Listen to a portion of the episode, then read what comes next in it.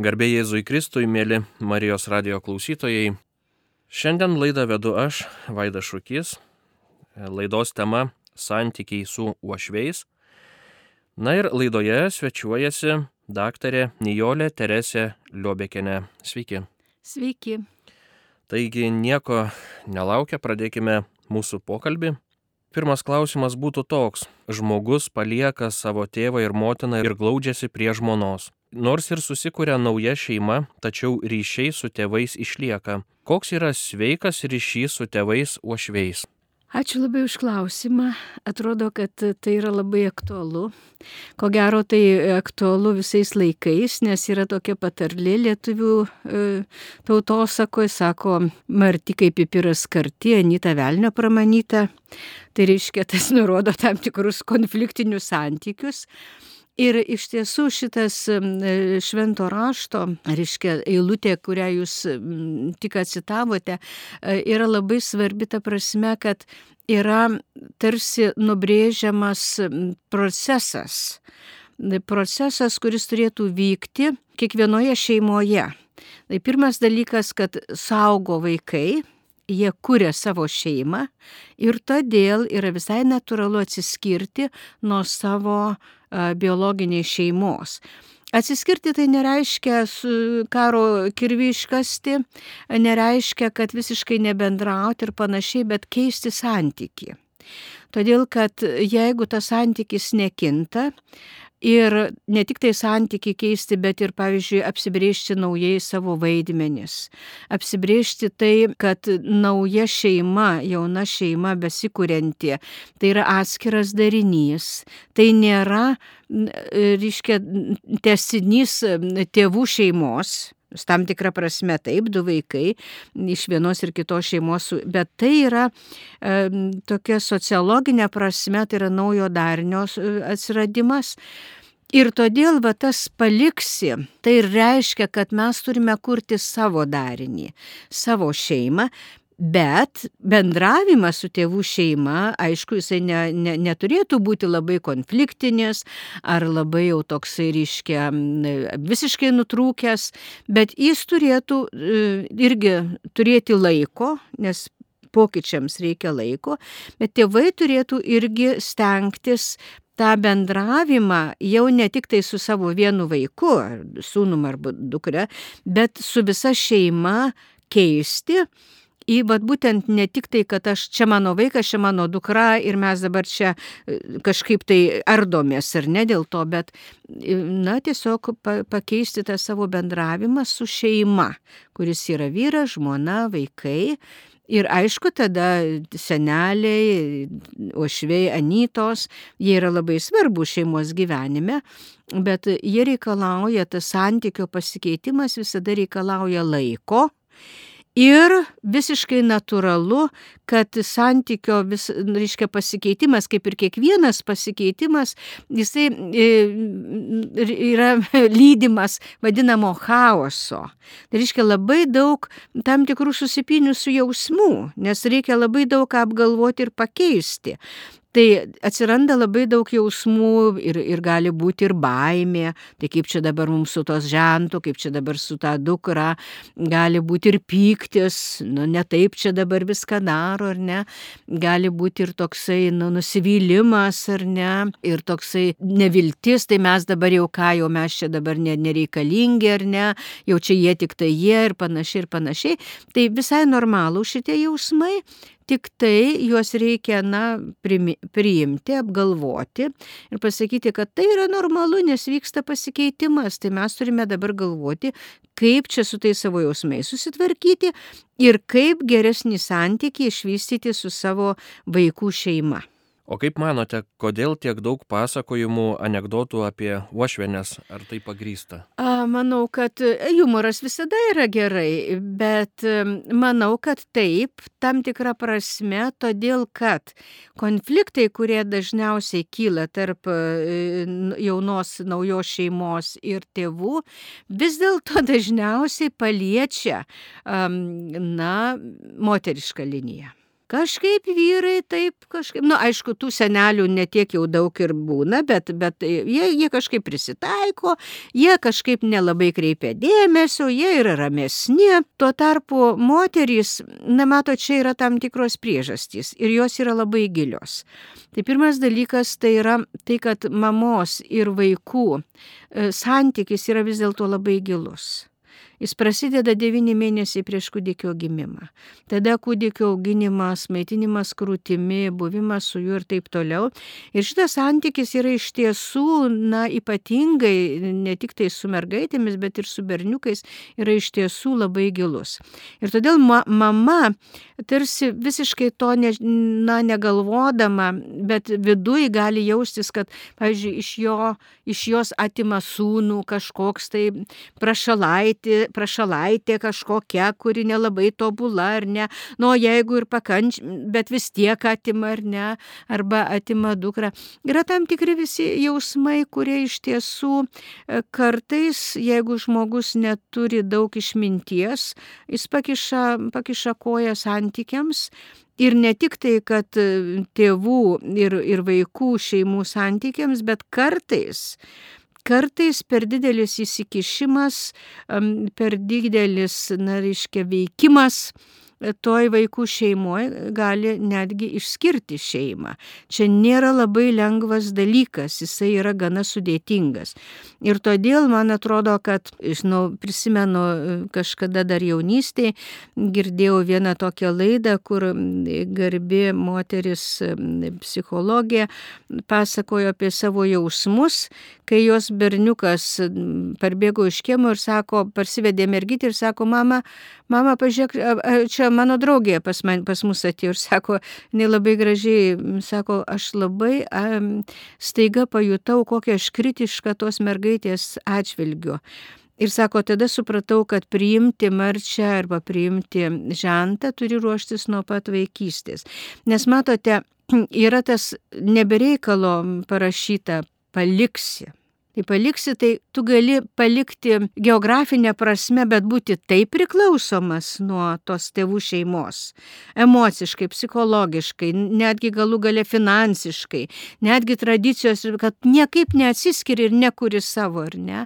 Ir ką reiškia glausiesi, tai čia vėlgi yra labai svarbus nurodymas, kurį, na, analizuojant šeimos vystimosi dinamiką, yra labai pasakoma gražiai, kad šeima šeimoje gyvenant vyro ir žmonos ryšys pats svarbiausias, esminis ir, ir lemiamas. Ir štai kodėl yra šventam netgi rašte parašta glausėsi prie savo žmonos ir prie savo vyro.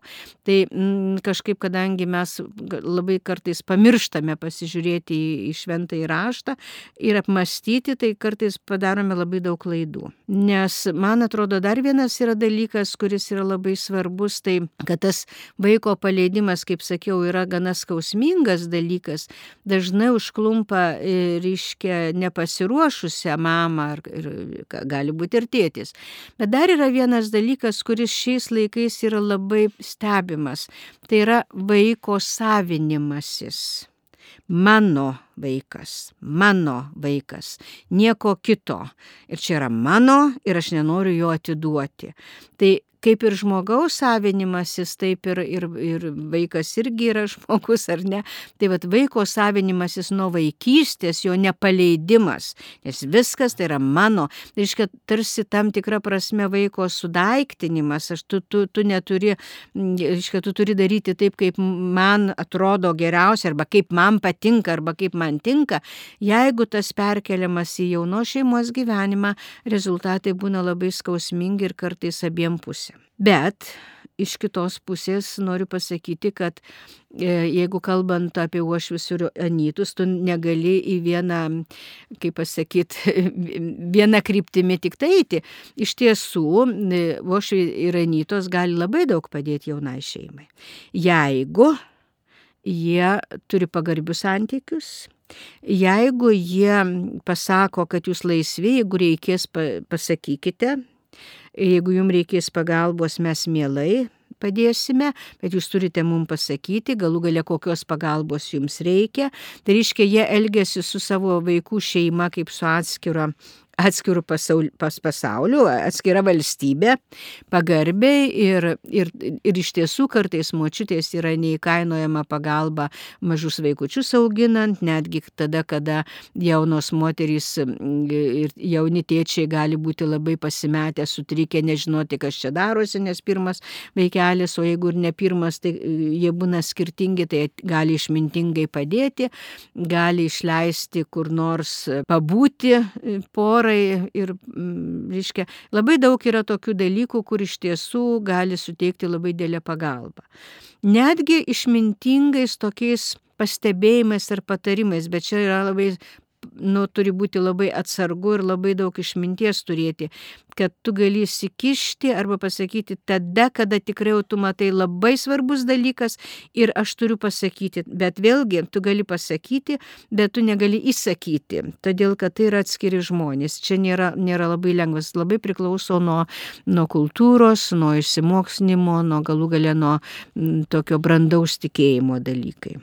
Bet jeigu, tarkime, yra e, tas vat, kreivas santykis, ar tai su savo mama, ar tai su e, uošve, vis tiek kaž, kažkoks turėtų būti sprendimas, nes ir, na, aš taip įsivaizduoju, ir pačiam šitam žentui, tarkim, yra nelengva tą atlaikyti, tarkim, uošvės kažkokį spaudimą ar, ar, ar ten kažkokias replikas. Ir ką tokioje situacijoje reiktų daryti tam žentui, jeigu, tarkim, jam va, taip yra. Ir, ir nesinori to kreivo santykio, norisi normalaus santykio. Na, jūs paklausėte dabar e, tokį klausimą, kuriam išnagrinėti pilnai reikėtų ne vienos laidos.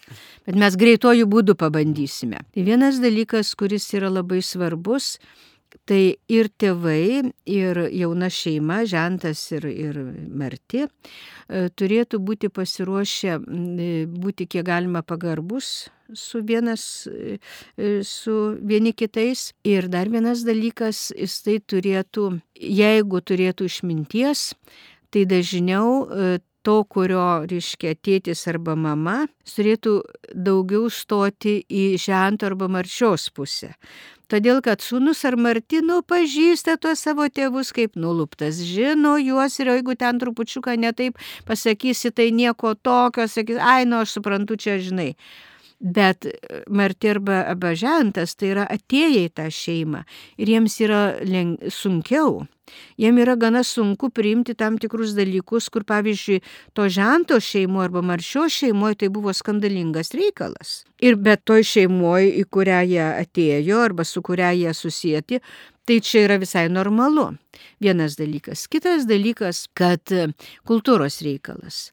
Aš galiu įtarti, bet aišku, aš galiu įtarti, kad e, tokius nu, skausmingus arba nemalonius um, dalykus pasakydama Ani, Uošvienė arba Anita Maršiai, nu, turi viduj tokį, žinai, ah, nu nepavyko mano vaikui, žinai, nu netokio reikėjo, nu netoks tobulas, žinai. Ir negaliu sutvarkyti to viduje, reiškia, nu ir kartais prasiveržia. Tai aš manyčiau, kad čia galėtų padėti Anytai ir Uošviniai e, arba Uošvirni um, pasakymas savo, kad ne aš išsirinkau, mano sūnus arba mano marti, mano dukra išsirinko. Reiškia, jai yra antra pusė gera, duok Dievę, kad tik būtų laimingi ir, kaip sakydavo senos zanavykės, jeigu jiems gerai, tai mums to tie gerai. Tai būtų labai išmintinga. Deja, išminti, žinote, nu, ateina kartais pavėluotai. Tai manyčiau kitą dalyką, kad e, niekas neturėtų leistis būti žeminamas arba būti kritikuojamas netinkamu būdu arba mokomas kabutėse netinkamu būdu. Ir čia yra labai svarbus gebėjimas tinkamu būdu nustatyti ribas ir taisyklės. Bendravimo ribas ir taisyklės. Žinoma, geriausias variantas čia būtų, jeigu pirmiausiai pasikalbėtų su tuoktinė būdu. Ir labai aiškiai pasakytų, mane skaudina tavo mamos ar ten tavo tėčio komentarai ir taip toliau, aš jaučiuosi blogai. Ir tada, žinoma, ta pusė, kurios tėvai čia yra, galėtų labai aiškiai pasikalbėti su tėvais ir pasakyti, tėti, mama, prašau šitaip su mano vyru nekalbėti, arba tėti, mama, prašau šitaip su mano mano, mano reiškia, žmona nesielgti. Tai būtų labai, nu, labai išmintinga ir labai gerai. Deja, kartais neišeina taip, tai tada bent jau pats tas žmogus, kuris jaučiasi įskaudinamas nuolat arba nuolat kritikuojamas, reikėtų, kad turėtų šiek tiek drąsos pagarbiai, bet tvirtai pasakyti, aš labai atsiprašau, bet aš nenorėčiau daugiau girdėti tokių komentarų.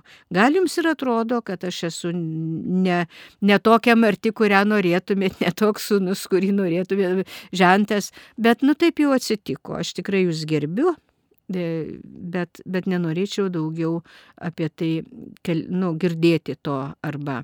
Arba pavyzdžiui, kartais tėvai iš per daug gerų norų, o gerais norais pragaras grįstas, čia nebereikalo pasakyti tai tiek įsijaučia, kad jie nori nugyventi ir savo vaikų gyvenimą. Ir jie pradeda viską daryti net nesiklausdami, nes daro gerą. Tai čia reikėtų labai, čia yra ribų peržengimas ir čia reikėtų labai, labai pagarbiai, bet gana tvirtai pasakyti labai atsiprašau, bet tai yra mūsų šeimos reikalas, dėkui už gerus norus, bet nenorime to daryti ar nenorime to girdėti. Ir žinote, kartais būna visokių tokių kuriozų, kuriuos man tenka girdėti ir nuo kurių aš paširpstu. Pavyzdžiui, Anita arba Uošvienė ateina į, į savo vaikų namus, kažkodėl jinai turi raktą, aš tai pasakyčiau, kad gal reikėtų jau vis dėlto, na, atsargiau su raktais, bet jeigu tai yra jų kažkoks būtas, kuris priklauso tevams, nu tai žinai. Bet Jie ateina ir pradeda daryti tvarką tuose namuose. Valyti, tvarkyti, lyg ir atrodo labai geras dalykas. Spintas tvarkyti. Bet palaukite, jeigu jie gavo leidimą ir jeigu paprašė ta jauna šeima, mama, jeigu e, tevelė bū geras, padaryk tą ir tą ir tą, nu, viskas gerai. Bet jeigu jie be jokio leidimo tą pradeda elgtis kaip savo namuose, na, nu, tai yra ribų nebuvimas. Ir jeigu tie žmonės nejaučia ribų, reikia labai aiškiai pasakyti labai ačiū, bet daugiau mes šit, nu, Ir jie labai įsižeidžia, mes tu gero norėjom, kaip sakiau, gerais norais pragaras grįžtas. Tai čia yra, matote, kiekviena šeima, kuri susikūrė, jinai turi turėti savo autonomiją. Tam ir yra atsiskyrimas. Bet atsiskyrimas tai yra procesas. Jis negali staigai vykti, o santoką ir jau atsiskiriam. Ne, ne, ne. Reikia tą procesą išgyventi. Na, pavyzdžiui, vienas jaunas vyras, jaunos šeimos tėvas, važiuodavo kiekvieną savaitę, jo šeima gyveno jau gal kokią dešimt metų kartu, jis kiekvieną savaitgalį važiuodavo pas savo mamą. Ir moteris galvoja, nu, bet tai čia mama, tai mes, žinai, a, a. Reiškia, tai yra, jeigu abu du važiuoja, tai, tai nėra, kad ne, negalima, e, reiškia, prižiūrėti tėvų arba padėti jiems. Ten net ten ta mama dar turėjo, ten, žinai, pati prižiūrėjo dar kitus. Bet tai buvo toksai, atvažiuok ir viskas. Arba atvažiuok aš turiu. Ir tada kaip kurtis tai naujai šeimai. Tai va šitą prasme, labai dažnai, jeigu senelis būna, tai senelis, reiškia, jisai sako, nu tu ko tu čia dabar žinai, tai ko čia vaikai, jis taip blaiviau galva. Jeigu vien tik tai mama ir, ir jo santykis buvo labai toks intensyvus, ypatingai su sunum būna labai sunku. Žinoma, iš kitos pusės būna sunku, nes tas, pavyzdžiui, vyras, jisai net nesuprato, kad čia ta žmona blogai jaučiasi, nes jis tai visai nieko, nu, va, pas savo mamą važiuoja. Ir aš sakau, kodėl jūs nepasakėte, tai kaip čia dabar jo mama ir tada tik tai tada, kada jie labai atvirai pasikalbėjo, tada jie nutarė kaip, kada, kur, kuriuo metu ir taip toliau. Man atrodo, kad daugumas problemų išsispręstų, jeigu žmonės labai atvirai ir aiškiai pagarbiai, bet labai aiškiai išsakytų ir savo lūkesčius, ir savo jausmus, ir savo suvokimą apie tam tikrus dalykus, tai daugelis dalykų išsispręstų, kaip sakant, nu, visai neblogai. Tai va čia lygiai taip pat, lygiai taip pat žentui, lygiai taip pat marčiai. Ir reikėtų va, tas ribų peržengimą labai aiškiai sustabdyti. Nes draudimas tavo ribas pažeisti, tai nereiškia, kad tu nemyli ar negerbi ko nors. Tiesiog tai yra jūsų teisė. Kaip jūs minėjot apie tą dažną lankymasi pas tėvus ar, ar pas ošvius, jeigu tenka taip žentui, tarkim, ar marčiai, bet vat, jeigu šeima turi jau vaikelį, tai jis irgi gali tapti tokia kaip ir priežastim pas tėvus lankytis, nes, nu, močiutės labai myli, labai nori maitinti tą vaikelį, duoti jam kuo daugiau valgyt, kad auktų didelis. E, kaip tokioj situacijoje elgtis? Jūs paklausėt labai tokį svarbų klausimą, nes esu, esu taip pat močiutė. Tai žinoma, kad e, močiutės ir seneliai prieš anūkus sutirpsta. O anūkai būna tokie gudrus, kad jie dažniausiai paprašo tai, ko tėvai draudžia, ypatingai jeigu kalbant apie valgymus. Bet čia, žinot, tam tikri dalykai labai greitai išsprendžiami. Man atrodo, vienas dalykas, kuris yra labai pozityvus, tai kad seneliai turi daugiau laiko, daugiau kantrybės, daugiau tokio nu, gebėjimo stebėti vaiką, su juo žaisti, nes, nu, jie yra seneliai, reiškia, tėvai tikrai dažnai labai yra užsėmę. Tai va tas laikas su seneliams, su seneliais vaikams yra didelė dovana. Jeigu seneliai nebando iš auklėjimo sistemos eliminuoti tėvus kaip nekompetitingus ir pasisavinti savo anūkų. Bet čia yra vienas jeigu. Bet, na, imkime tą, kad jeigu nėra to jeigu, tai žinoma, išmintingi seneliai E, paklausys, nors jie gali nepri, jie gali turėti kitokią nuomonę, pavyzdžiui, apie maitinimą, bet pagarba tėvams yra labai svarbi. Ir todėl kartais seneliai, na, turėtų vis dėlto prisilaikyti tam tikrų dalykų, kurie yra jų ši, vaikų šeimos, ryškia šeimoje. Jeigu, jeigu ten tėvai naudoja vieną maistą ir jie turi dėl ko, tai galima tartis, bet, bet žinoma, nes įsivaizduokime vaiką šitoje situacijoje, kai jisai žino, kad, a, nu jo, tai senelė, aha, tai mama čia su tėčiu dabar mums ką nors draudžia, senelė viską leidžia, tai kaip čia yra. Tai man atrodo, kad čia reikia tokio, nu, taikaus susitarimo dėl vaikų gerovės, tiesiog suderinimo. Ir visai normalu pasiklausti savo vaikų, o tai kaip dabar su tuo vaiku, aha, tai ką jam dabar čia ką jūs duodat valgyti, arba kaip čia ką nors padaryti, arba kada tas vaikas eina miegoti, ar ne, ir kaip čia jūs mygdote, ar ne, ir panašiai. Tai šitie dalykai dėl vaiko gerovės pirmiausia yra labai naudingi, o kitas dalykas tai yra pagarba tėvams. Nes jeigu vaikas matys, kad senelė jo tėvus gerbė ir myli, tai jam bus irgi lengviau.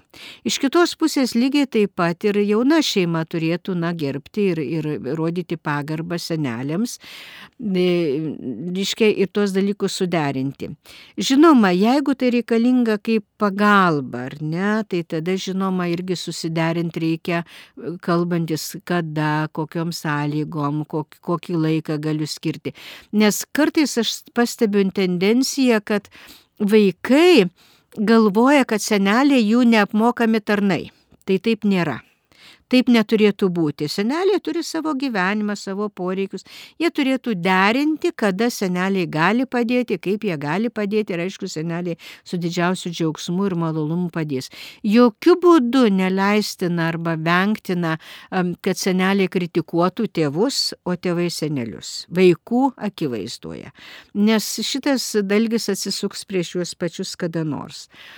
Na, o žinoma, iš kitos pusės kiekviena karta turi savo ypatingumus ir visai normalu, kad ta jaunoji karta savo vaikus maitina kitaip negu mes, senoji karta, ar ne, ir reikia leisti jiems tą daryti. Galima pasitarti, galima kažkaip tai, tai man atrodo, kad čia turint gerus norus visada galima suderinti. Atsiranda problemos, kada atsiranda, kaip sakiau, savininkiškumas, bandymas, reiškia, ignoruoti, e, piktai kritikuoti ar ne ir taip toliau, tai va tada jau yra blogai. O šiaip tai viską reikėtų derinti. Ir dar vienas dalykas, kad ir senelė, tu turi, senelių gyvenimas, jie gali padėti savo vaikams ir toliau, ir anūkams, ir tai yra labai sveikintina, bet tiesą pasakius, neprivalo. Tai jeigu jie tą daro su meile ir taktiškai, tai yra labai labai dėlį pagalba šeimai. Bet jeigu jie tą daro žalodami, o tai darys, jeigu nu, niekins tėvus arba, reiškia, juos žemins arba juos laikys tarnais, tai žinoma, reikėtų vėlgi nubrėžti ribas. Matote, ribos yra, yra labai svarbus dalykas, kurį viešpats Dievas net ir rojuje pirmiesiems žmonėms yra nubrėžęs. Tai, tai mes turime iš ko mokytis, mes turime mokytis nubrėžti ribas. O jeigu, tarkime, būna tokia situacija, kad jaunai šeimai tenka gyventi kažkuriam su ošveis, ar, ar vienu iš jų, kaip tada e, elgtis, nes vis tiek ta trintis ir rutina kasdien, nu, vat, gali būti turbūt, kad sunkiau būtų tą ribą brėžti. Na, jeigu tu žinai, kad yra labai svarbu tą ribą nubriežti, tai tada nėra taip labai sunku. Bet jeigu tu galvoji, kad senas žmogus, kuris gyvena kartu su jumis ir tu negali ko nors jam sakyti, arba ko nors prašyti, arba kokias tai susitarimus daryti, tai tada bus daug sunkiau. Žinoma, man atrodo, kad yra labai gerai, jeigu šeimos gyvena netoli, bet ne kartu kada gali ateiti ir išeiti, ateiti kada reikia ir išeiti kada nori. Lygiai taip pat, bet gyvenime visko būna. Tai man atrodo, kad čia yra labai svarbus dalykas ne tik apie ribas kalbant, bet ir apsibrėžiant savo vaidmenį. Reiškia, koks vaidmuo to močiutės arba senelio jūsų šeimoje bus. Ir tada, kaip jūs to, tą vaidmenį ryškiai suprantate, kaip jūs suprantate, kaip senelis supranta. Jei aiškumas yra e, toksai dalykas, kuris padeda išvengti didelių, didelių nemalonumų. Tai vad labai aiškiai, ypatingai tas, kurio tėvas arba mama yra, nes tas vaikas artimesnis, tiesiog reikėtų atsisėsti ir pasikalbėti. Nes pavyzdžiui, ta mama gali galvoti, kad jau jos dabar pareiga tai visus namus tvarkyti, viską čia reigiuoti, valgyti, daryti, nes jinai labai myli ir taip toliau, ko, ko pavyzdžiui. Tai paprastas toksai pasikalbėjimas, ar ne, e, labai padėtų tam tikrus dalykus įveikti. Bet čia yra vienas dalykas. Gal net ne vienas, yra keletas. Na, pirmas dalykas turbūt, nežinau kaip kituose, aukštaityjoje ar kituose, ar Zukijoje regionuose buvo kalbama, bet e, suvalkijoje, tai labai buvo tokia kalba apie samčio atidavimą. Iškia ateina marti, ir eina kova dėl samčio, reiškia jau, e, jau moteris, kuri jau močiu, nu, mama kurio nors, jinai jau turėtų atiduoti visą šeimininkavimą marčiai, o jau pati pasitraukti ant išimtinės, reiškia daryti, nu kas jiems patogu arba ką jinai norėtų. Tai čia pasirodo, nuo senų laikų buvo didelė kova. Ir daug anegdotų yra.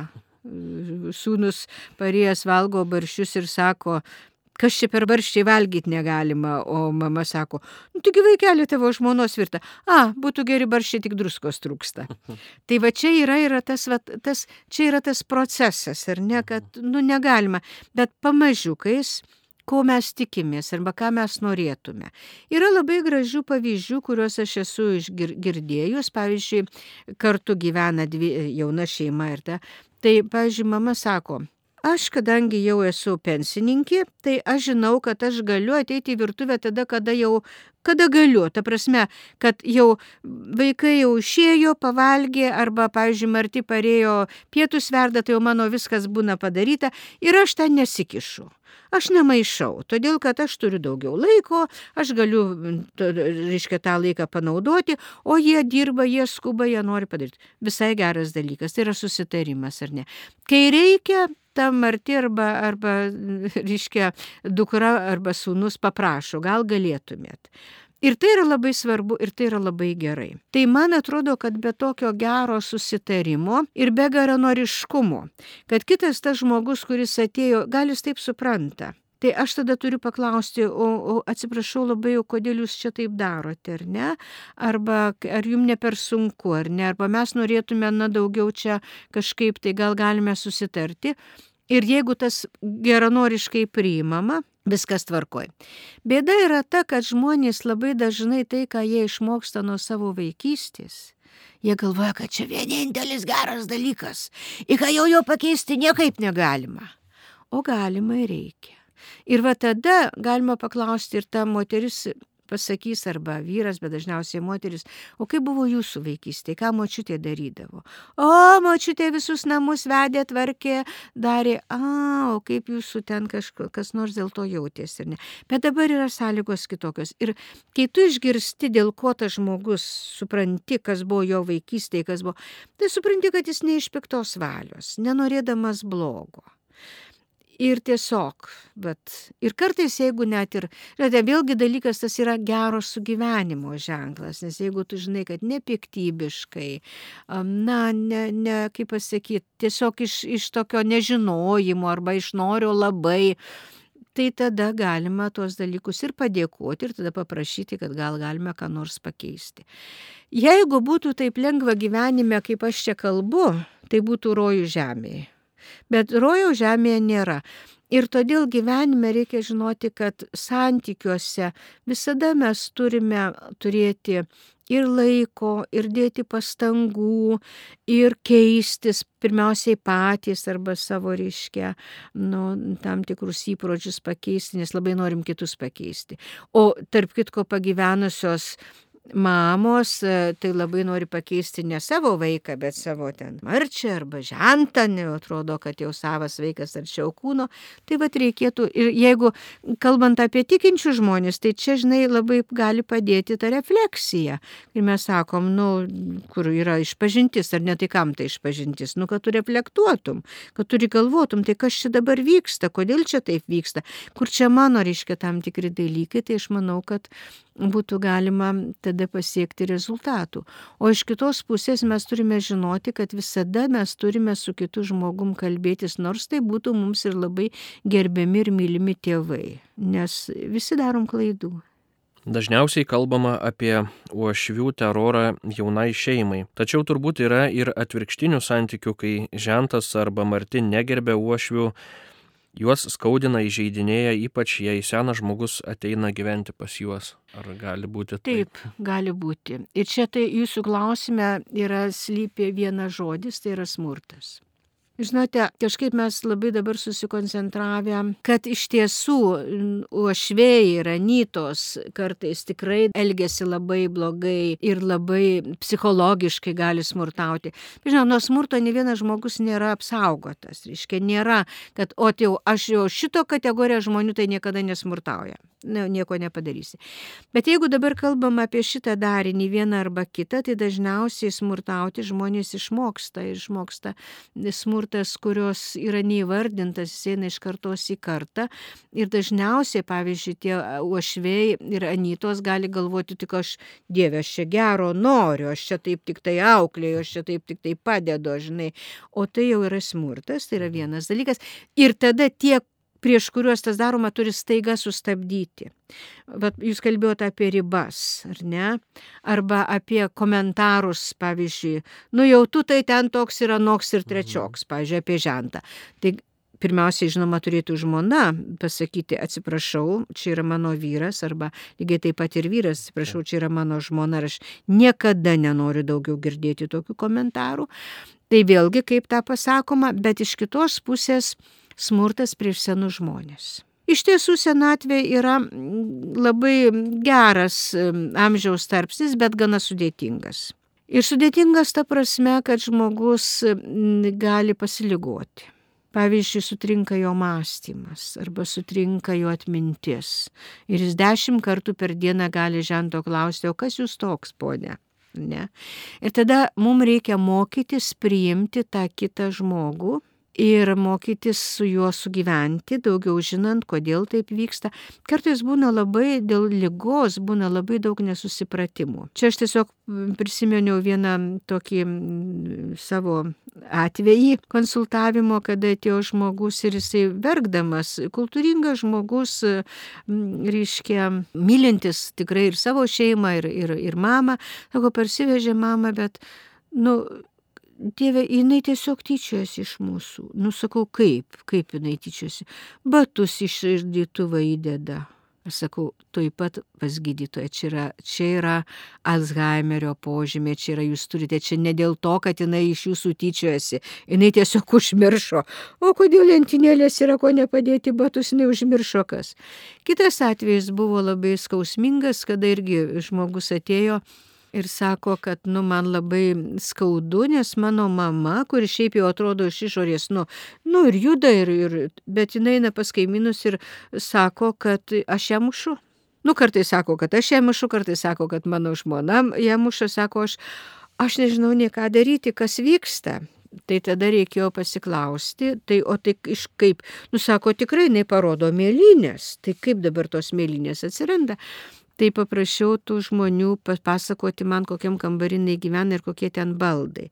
Pasirodo, kambarys nedidelis, daug baldų ir jinai eidama užkliūva ten ar už fotelio, ar už ko, nu yra, žinot kaip.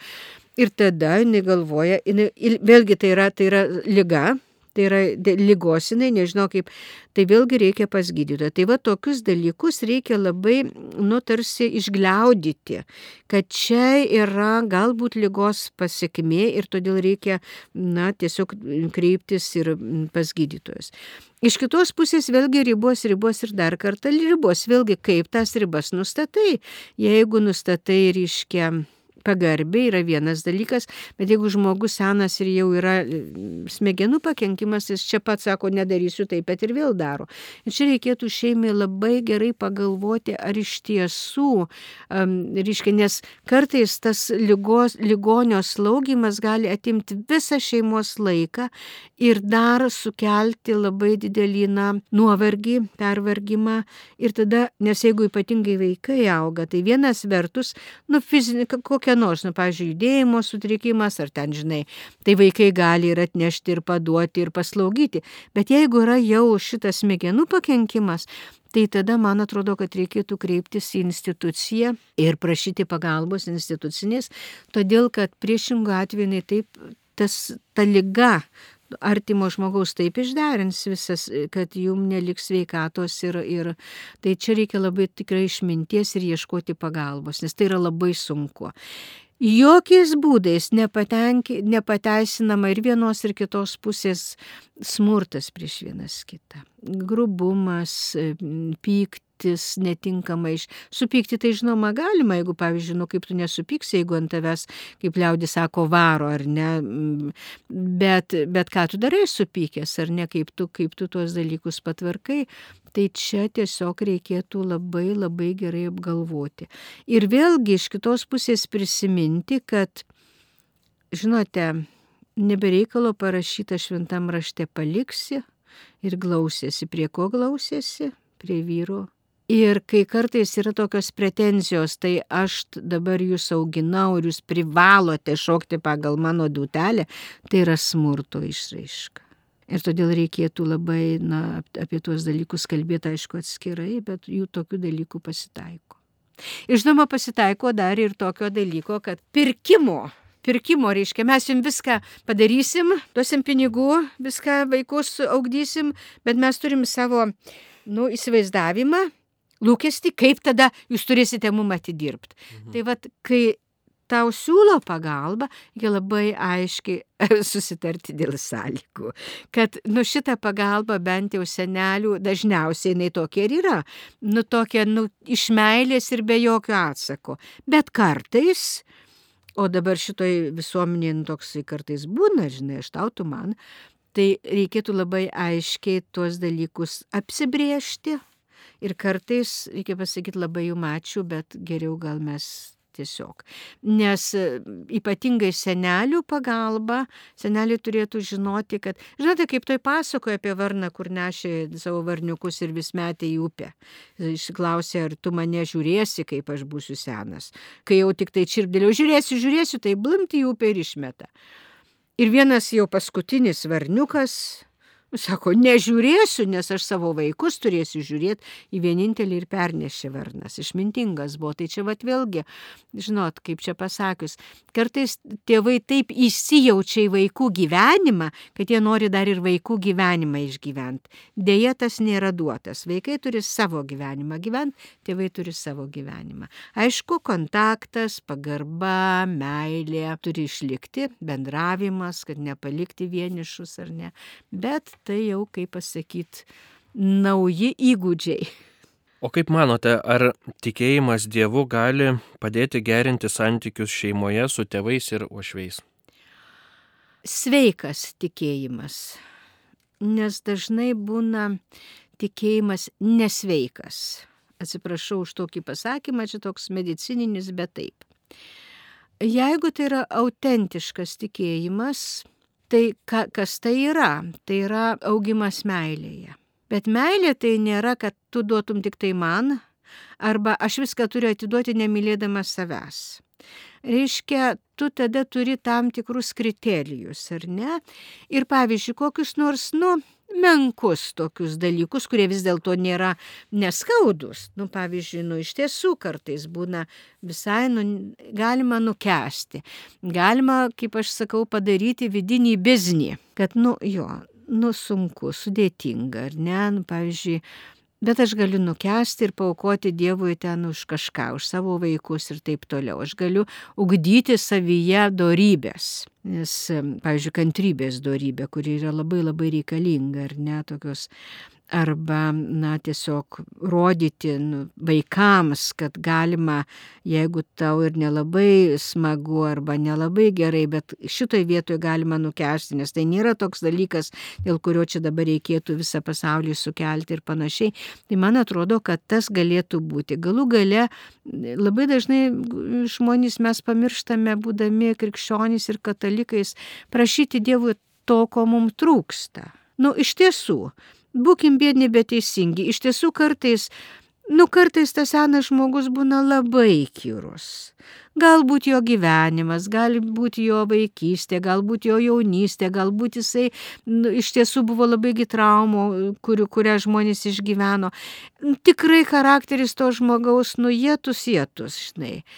Bet kartais, jeigu tu paprašai Dievo Dievę, nusuteik man kantrybės, kad aš parodyčiau meilę tam žmogui, kur labai sunku rodyti meilę, aš galiu tą galėti. Nes visai normalu, jeigu tau atrodo, nu jau viskas, jau daugiau nebegaliu ar ne. Bet kartais, kartais būna taip, kad blogiausia marti būna vienintelė, kuri savo glibį pas viešpatį išlydė, reiškia, Anyta arba Ošvenė. Tai ne šiaip, ne taip lengva tuos dalykus. Ir tai yra vidinė, vidinė tavo branda arba tai, ko tau trūksta, tu gali prašyti Dievo malonės, kad, kad padėtų tau ar ne. Tai Aš manau, kad tas yra, nes visi mes esam žmonės ir, ir, ir visi mes turime ribotus tam tikrus resursus, ar ne, bet Dievas gali tuos resursus praplėsti. Galų gale netgi, pavyzdžiui, pasitarti su kuo nors. Dabar juk vis tiek yra ir, ir šeimos tam tikros institucijos, yra ir konsultantai, aš čia kalbu apie šeimos centrus, galų gale yra tam tikros grupės, pavyzdžiui, maldos grupė, ar ne, žmonės ateina, gal moteriškės, gal ir pagyvenusios jau, ar ne, bet jos melžiasi ir tada pasipasakoja.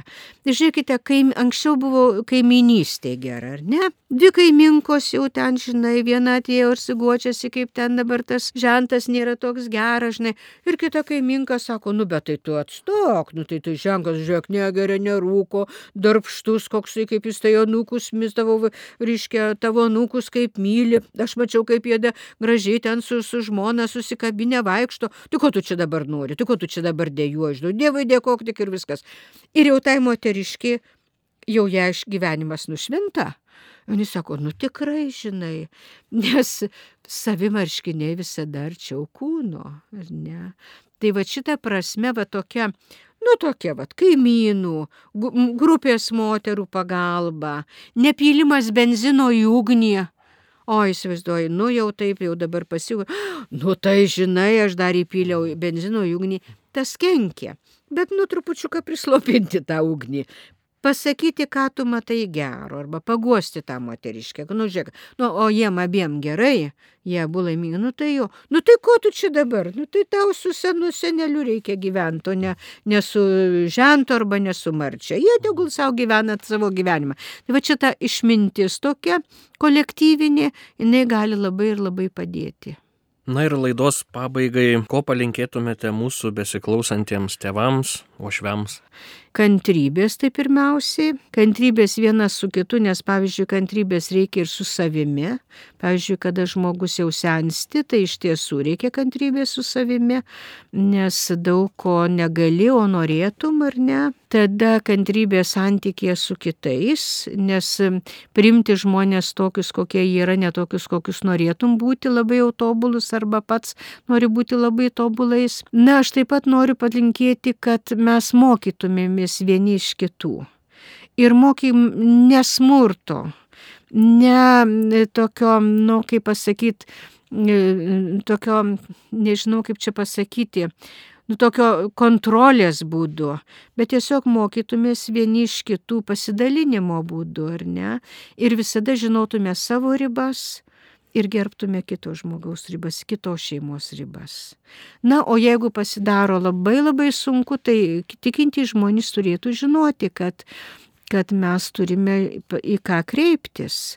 Žinoma, nebereikalo aš pasakiau ir tą tokį apie sąmoningą katalikybę, nes jeigu katalikė, ryškia uošvienė arba anyta galvoja, kad jos pareiga atversti žentą netikusi arba marčią, kuri neina į bažnyčią, taip dažnai kaip jai norėtųsi arba išmokyti, ne tas kelias. Tikrai ne tas kelias.